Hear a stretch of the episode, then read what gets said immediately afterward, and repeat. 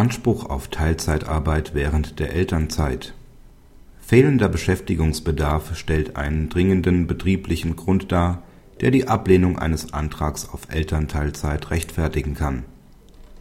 Der Arbeitnehmer ist als Erzieher für die Arbeitgeberin tätig. Infolge Betriebsübergangs am 30.05.2006 verbleiben bei der Arbeitgeberin nur zwei Erzieherstellen, die durch andere Arbeitnehmer zu besetzen waren. Dem Arbeitnehmer bot sie daraufhin eine Stelle als Erzieher in einer anderen Betriebsstätte mit einer wöchentlichen Arbeitszeit von 27,5 Stunden an, welche er nicht annimmt.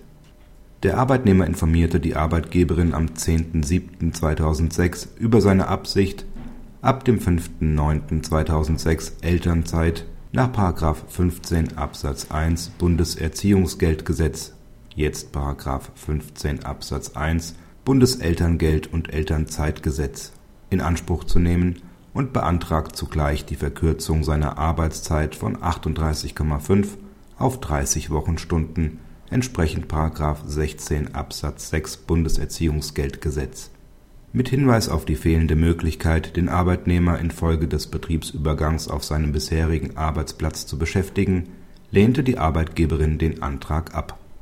Mit der Revision verfolgt der Arbeitnehmer erfolglos die Aufhebung des Berufungsurteils, das einen Anspruch auf Elternteilzeit verneint hatte. Die Arbeitgeberin kann sich erfolgreich auf dringende betriebliche Gründe gemäß § 15 Absatz 7 Satz 1 Nr. 4 Bundeserziehungsgeldgesetz berufen der Arbeitnehmer ist grundsätzlich berechtigt, zeitgleich mit der Elternzeit auch die Verkürzung seiner Arbeitszeit zu beanspruchen. Jedoch sind Elternzeit und Elternteilzeit sachlich zu trennen. Die Elternzeit führt zum vollständigen Ruhen der Beschäftigungspflicht der Arbeitgeberin, die bei Teilzeitarbeit wieder einsetzt das Merkmal der dringenden betrieblichen Gründe im Sinne des § 15 Absatz 7 Satz 1 Nr. 3 Bundeserziehungsgeldgesetz bezieht sich daher nicht auf die Verringerung der Arbeitszeit infolge Teilzeitarbeit gegenüber vorheriger Vollzeitbeschäftigung, sondern auf die wieder auflebende Beschäftigungspflicht der Arbeitgeberin und damit die Erhöhung der Arbeitszeit die Arbeitgeberin wird durch diese gesetzliche Gestaltung vor einer betrieblich nicht verwertbaren Beschäftigung geschützt. Vorliegend fehlt es infolge des Betriebsübergangs an Beschäftigungsbedarf für den Arbeitnehmer. Dem Personalüberhang muss die Arbeitgeberin nicht dadurch entgegenwirken, dass sie unter den für die Stelle in Frage kommenden Personen eine Sozialauswahl vornimmt da es schon mangels Beschäftigungspflicht der Arbeitgeberin in Elternzeit an der Vergleichbarkeit der Arbeitnehmer fehlt.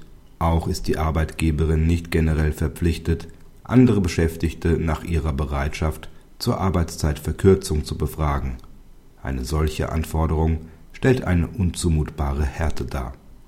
Praxishinweis das BAG setzt mit diesem Urteil seine Rechtsprechung zu § 15 Absatz 7 Satz 1 Nr. 4 Bundeserziehungsgeldgesetz fort und stellt klar, dass auch bei gleichzeitiger Inanspruchnahme von Elternzeit und Elterngeld die fehlende Beschäftigungsmöglichkeit dem Teilzeitbegehren entgegensteht. Indem das Gericht die Sozialauswahl bei Teilzeitbegehren während des Elternurlaubs zurücksetzt und eine Nachfragepflicht des Arbeitgebers verneint hat es zudem die Anforderungen an den Arbeitgeber, eine Teilzeitstelle zu schaffen, herabgesetzt. Der Arbeitnehmer kann den Folgen des Urteils vorbeugen, indem er die Inanspruchnahme der Elternzeit unter Bedingung stellt, dass die Arbeitgeberin auch seinem Antrag auf Elternteilzeit entspricht